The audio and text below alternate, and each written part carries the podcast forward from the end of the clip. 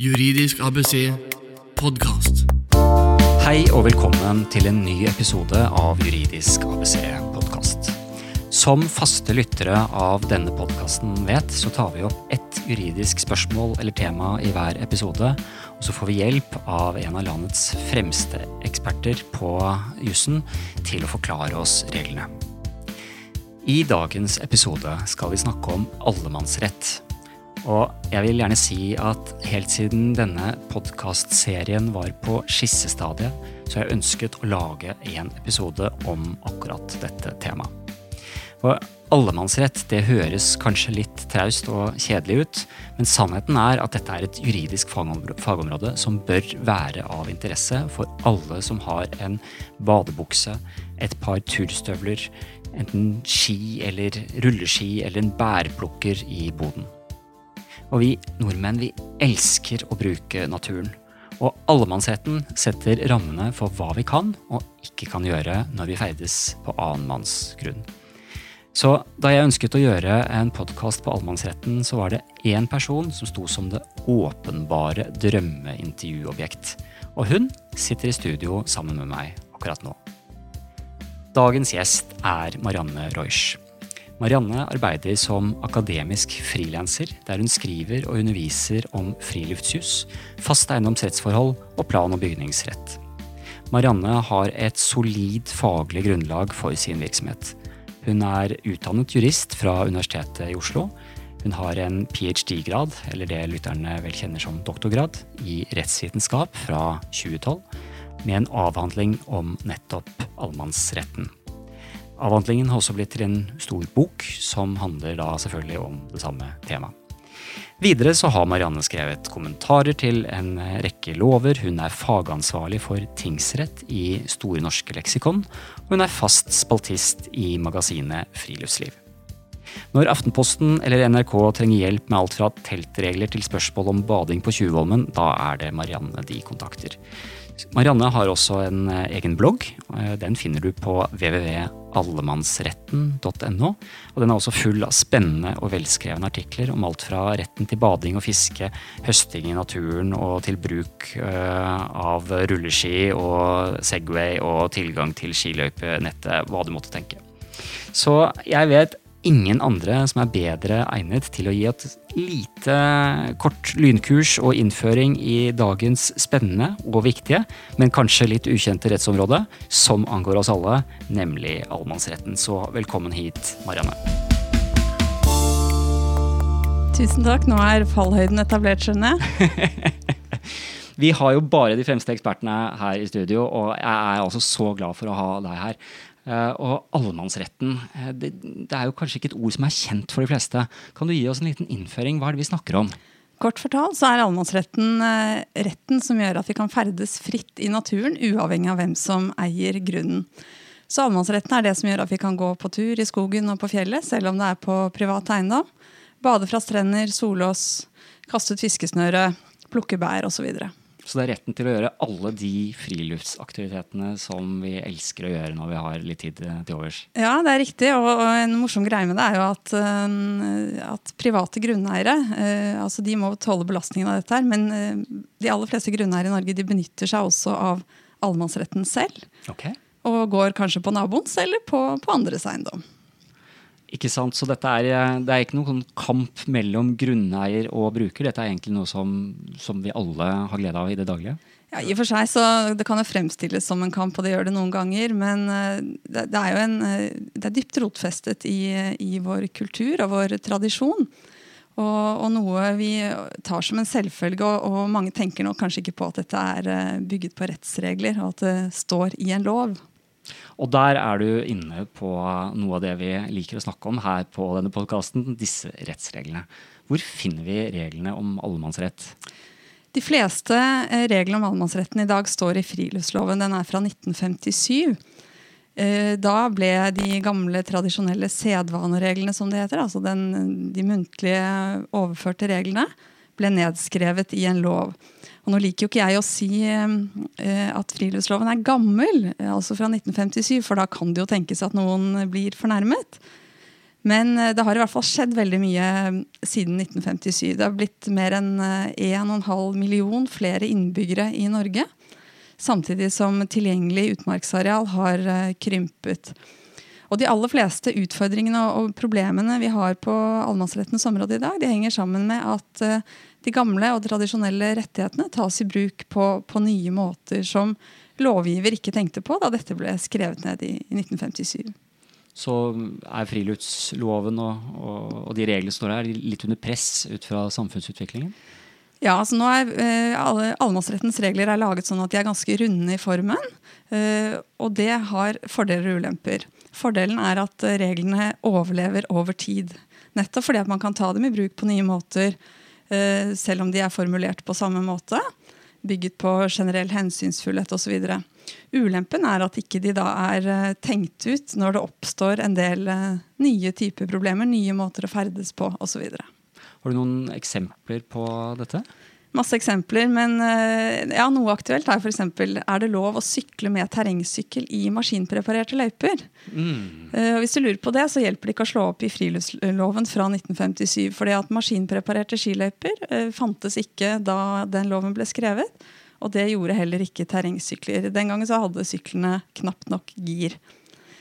Eh, så når man står overfor sånne spørsmål, så har man ofte ikke annet å lene seg på enn den eh, alminnelige hensynsregelen, som det heter. Altså at man skal opptre hensynsfullt og varsomt overfor andre og, og grunneieren. For dette var jo, husker jeg, en debatt som raste i kommentarfeltene på bl.a. Aftenpostens nettsider i vinter, da disse store ballonghjulsyklene begynte å dukke opp uh, midt i uh, Nordmarkas vakre, preparerte skiløyper. Men, men, er det det du sier er egentlig at det, det er ikke noen klar regel som gjelder her, da, annet enn å være varsom? Eh, på, på, noen eh, områder er det det. Blant annet, altså, Friluftsloven har noen klare regler. og det, En av dem er at det ikke er lov å benytte privat brygge uten grunneierens samtykke. Så det er jo eksempler på at det finnes noen klare svar her. Mm -hmm. Men så har vi også alle disse spørsmålene som ikke har fullt så klare svar i friluftsloven. Men da er det sånn at det, det, da kommer annet regelverk støttende til. Og det er jo på en måte det som er kjernen i Eh, i grunn all juss. Det er at det er veldig sjelden det er én lov alene som regulerer alle spørsmål. Men det er flere eh, regelsett som gjelder på det samme området. Og reglene må harmoniseres. Og det er da det begynner å bli vanskelig. og det er jo derfor Eh, denne jusutdannelsen ikke er unnagjort på et halvt år, men det, det, tar noen år. Og mye av det jeg holder på med, det handler om å balansere forskjellige regelsett. Og der er det litt sånn tommelfingerregler. Det er at hovedreglene om eh, ferdselsrett, oppholdsrett og høstingsrett står i friluftsloven, mens unntakene og begrensningene de finnes ofte i annet regelverk. Jeg kan ta et eksempel eh, som dukket opp i, i, pressen i fjor. nemlig er det, altså Man har lov til å, å plukke ville bær og blomster i utmark. Og så var det noen som lurte på er det lov å plukke spiss fleinsopp på kirkegårder. Mm -hmm. Og de som er interessert i spiss fleinsopp, det er ikke um, sånne sopp- og nyttevekstfolk. Det er, mm, det er de som er en, ja, spesielt interesserte fra, med, med, med, fra rusmiljøet. da. Ja. Uh, og så lurer man på er det, en, det er jo en allemannsrett å plukke sopp. Hvordan er dette? Hvordan løser man et sånt case? Vel, Det første spørsmålet da, det er har man tilgang til området. Mm er det lov å komme dit. Og da vil man ganske fort finne ut at man trenger ikke å diskutere om en kirkegård er innmark eller utmark. For dette er eh, regulert eh, i, i politivedtektene eh, i de fleste byene som sier at kirkegård skal være allment tilgjengelig, men de kan stenges om natten, og det kan settes mm. ordensregler osv. Så, videre. mm. så man har altså tilgang, tilgang der. Og så er det neste spørsmål da, Har man lov til å høste mm. denne arten? Eh, og akkurat når det gjelder spiss fleinsopp, så fanges den opp av eh, narkotikaforskriftene.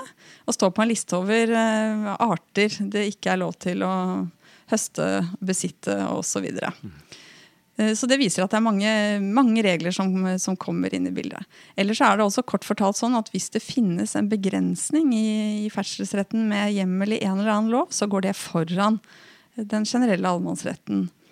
Og det er nok litt eh, motsatt av det mange tror. I hvert fall Når man leser om dette i avisen og hører på radio, så kan man ofte få inntrykk av at, at allemannsretten nærmest har en egen trinnhøyde. Altså er hevet over mm. alt annet. Mm. Som et sånt generelt grunnprinsipp som nærmest er grunnlovsfestet. Nettopp. Man. Ja, man kan få inntrykk av det noen ganger. Men tvert imot så, så kan den begrenses, og det gjøres, og det er ofte nødvendig. Og det er ofte også løsningen når det oppstår en del nye typer problemstillinger med mye folk på lite område, bading fra Tjuvholmen eller eh, kamp om plassene i skiløypa, så har eh, kommunen eh, myndighet, hjemmel, som man sier på juridisk, for å begrense eller regulere ferdselen på forskjellige måter. Og da kan kommunen med sin myndighet velge å gi fortrinnsrett for noen aktiviteter, begrense andre aktiviteter osv. Så friluftsloven som et uh, generelt utgangspunkt, men så kommer andre regelsett inn og kan overstyre de prinsippene som man, man har i friluftsloven. Ja, både overstyre, men også virke sammen med. da. Ja, riktig. Så eh, i dag, altså Da friluftsloven ble laget, så besto den av eh, noen, tre forskjellige hoveddeler. egentlig. Det ene var retten til å, å ferdes, altså retten til fri ferdsel. Mhm. Og så var det mm, det offentliges mulighet for å erverve eh, grunn til friluftsområder, altså ekspropriasjonsregler. Og den tredje bolken var regler om eh, byggeforbud. Og dette var før, altså Da friluftsloven ble laget, så eksisterte ikke plan- og bygningsloven. Så man hadde ikke noe, noe regelverk i, i, annet enn i byene som sa noe om hva grunneieren kunne gjøre. Grunneieren kunne stort sett gjøre som de ville. Bygge ut, bygge på og holde på på sin egen eiendom. og Derfor så kom alle disse reglene inn i friluftsloven. og de, Senere så er de flyttet ut, og nå finner man igjen mye av den opprinnelige friluftsloven i plan- og bygningsloven. Eh, Og Derfor så er de eh, fortsatt ganske tett sammenvevd. Og hva man kan gjøre med et areal i dag som grunneier, det henger jo veldig mye på, på reglene i plan- og bygningsloven. Slik jeg oppfattet det, så var det liksom tre hovedknagger her. sånn. Det var ferdselsrett, oppholdsrett og høstingsrett. Ja, Det er de tre hovedelementene i allemannsretten. Og de bygger jo på hverandre, sånn at ferdselsretten ligger i, i bånn. Den Du kan trenger du. du. høste uten å ferdes. Nettopp. Mm. Og så kommer oppholdsretten oppå ferdselsretten og høstingsretten som en sånn siste bonus. Du hører Juridisk ABC podkast. Marianne, nå er det akkurat blitt september, og eh, mange skal sikkert opp i fjellet i høst. Eh, Og vi har vært litt inne på dette med da, høstingsrett. Eh, Hva er de typiske spørsmålene du får om, om retten til å høste av eh, naturen nå på høsten? Ja, det, altså Gjengangere her det er eh, selvfølgelig er eh, jakt en allemannsrett. Mhm. Og det korte svaret på det er at nei. Jakt er en eh, grunneierrett som den store hovedregel. Og så fins det noen litt sånn gråsoneunntak, kan man vel kanskje si. Da. Det ene er eh, småviltjakt uten hund i statsallmenning. Som i hvert fall ligner på en allemannsrett i den forstand at eh, alle i prinsippet skal ha lik mulighet, men man må jo fortsatt ha eh, jegerprøve og, og skaffe seg jaktkort. da.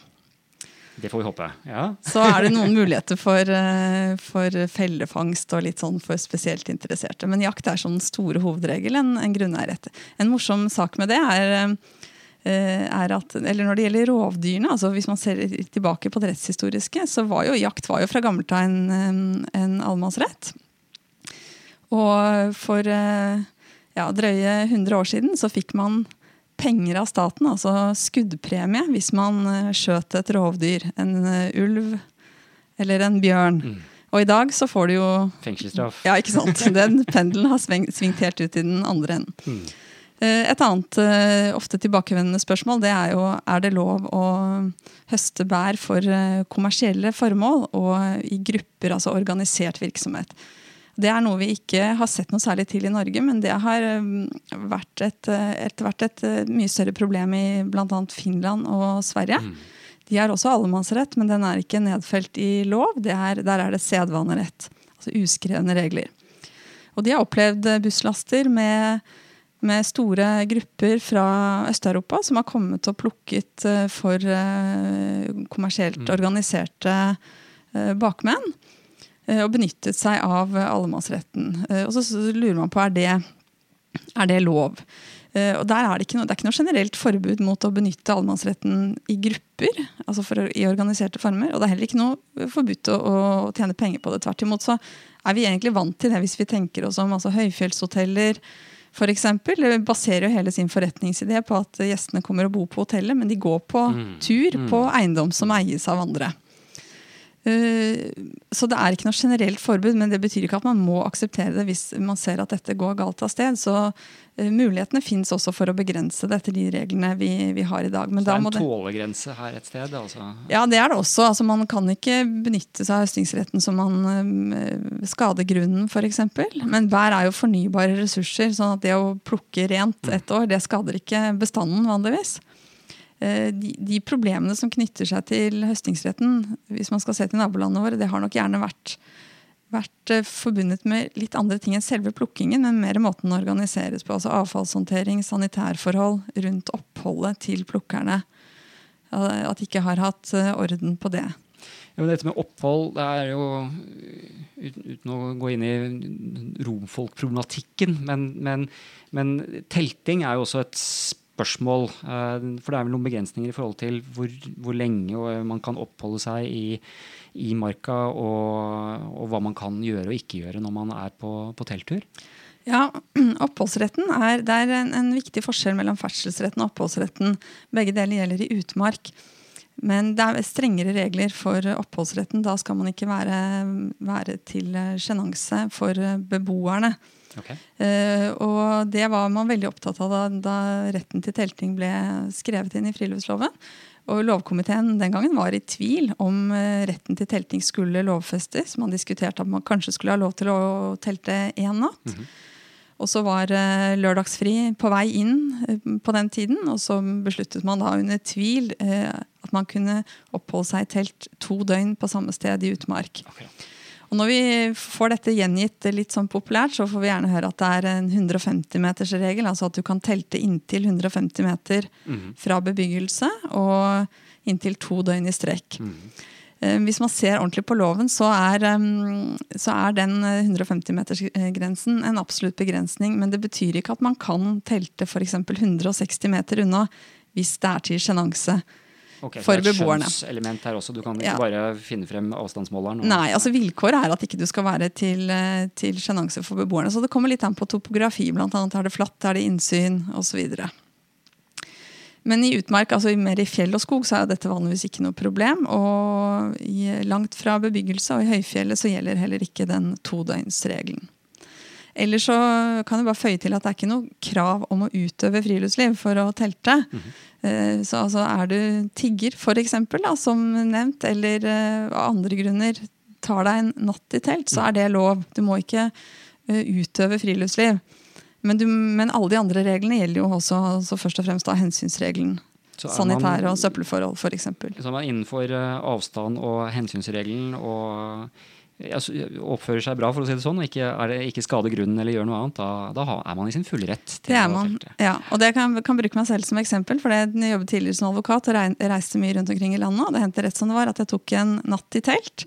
Og det hadde ingenting med friluftsliv å gjøre. Det var kanskje for å spare penger, eller det var for å gjøre det lettvint. Fantastisk. Dette er Juridisk ABC podkast med advokat Eivind Arntzen. Marianne, snart kommer eh, vinteren, og eh, er det én ting eh, mine barn, og sikkert dine barn også, ser frem til, så er det å få en fin julegran i hus. Og noen går jo da på nærmeste bensinstasjon og finner et juletremarked, men det er jo litt fristende å ta med seg en sag, da. Hvordan er mulighetene til det? Kan man bare gå ut i skogen og finne seg et fint tre? Allemannsretten gir rett til å plukke ville bær og blomster eh, uten økonomisk verdi for grunneieren. Men eh, du kan ikke hugge trær og ikke brekke grener av, av friske trær. Og det spørsmålet er, får jeg hvert eneste år når det begynner å dra seg til mot 20. 21. desember. Så er det noen som lurer på om allemannsretten omfatter retten til å, å ta et tre i skogen. Da gikk ikke den ideen, så da blir det å kjøpe tre i år også, da. Ja, eller hugge etter avtale med grunneieren. Akkurat. Så der er tipset. Juridisk ABC podkast. Eh, Marianne, eh, vi har bare skrapt i overflaten på allemannsretten i dag. Og samtidig så vet jeg at du er en veldig opptatt eh, foredragsholder, og at du skal løpe videre til en ny avtale nå. Så vi fikk eh, et lite innblikk i noen av problemstillingene i forhold til allemannsretten, og et par eh, telting- og høstingstips i forhold til, eh, til, til, den høsten som står foran oss nå. Eh, helt før vi avslutter, er det noen spesielle tips du har til Eh, folk som skal ut og utøve sin allemannsrett? Og er det eventuelt noen fallgruver? Pleier vi alltid å stille spørsmål om her på podkasten. Ja, da har jeg en ting å si, og det er se opp for unntakene. Eh, for de er mange, mm. og de er ofte veldig lokalt forankret. Sånn at Skal du være sikker på hva du har lov til når du skal ferdes eller oppholde deg, så må du egentlig sette deg inn i hva som gjelder for dette stedet. Det kan være drikkevannsrestriksjoner, det kan være vernebestemmelser, det kan være kommunale planbestemmelser. Så det er mitt, eh, mitt tips. Veldig bra. Og uh, siste tips uh, fra meg som jeg gjerne vil legge til, er gå gjerne inn på uh, www.allemannsretten.no. Der har Marianne skrevet mange spennende artikler om mange temaer som vi ikke hadde anledning til å ta med på podkasten i dag. Tusen takk. Du har hørt Juridisk ABC podkast. For mer informasjon om dagens tema, se juridiskabc.no. Her finner du flere podkaster og artikler innen arbeidsrett, eiendomsrett, familierett og temaer for deg som driver egen virksomhet. Meld deg på vårt nyhetsbrev på juridiskabc.no.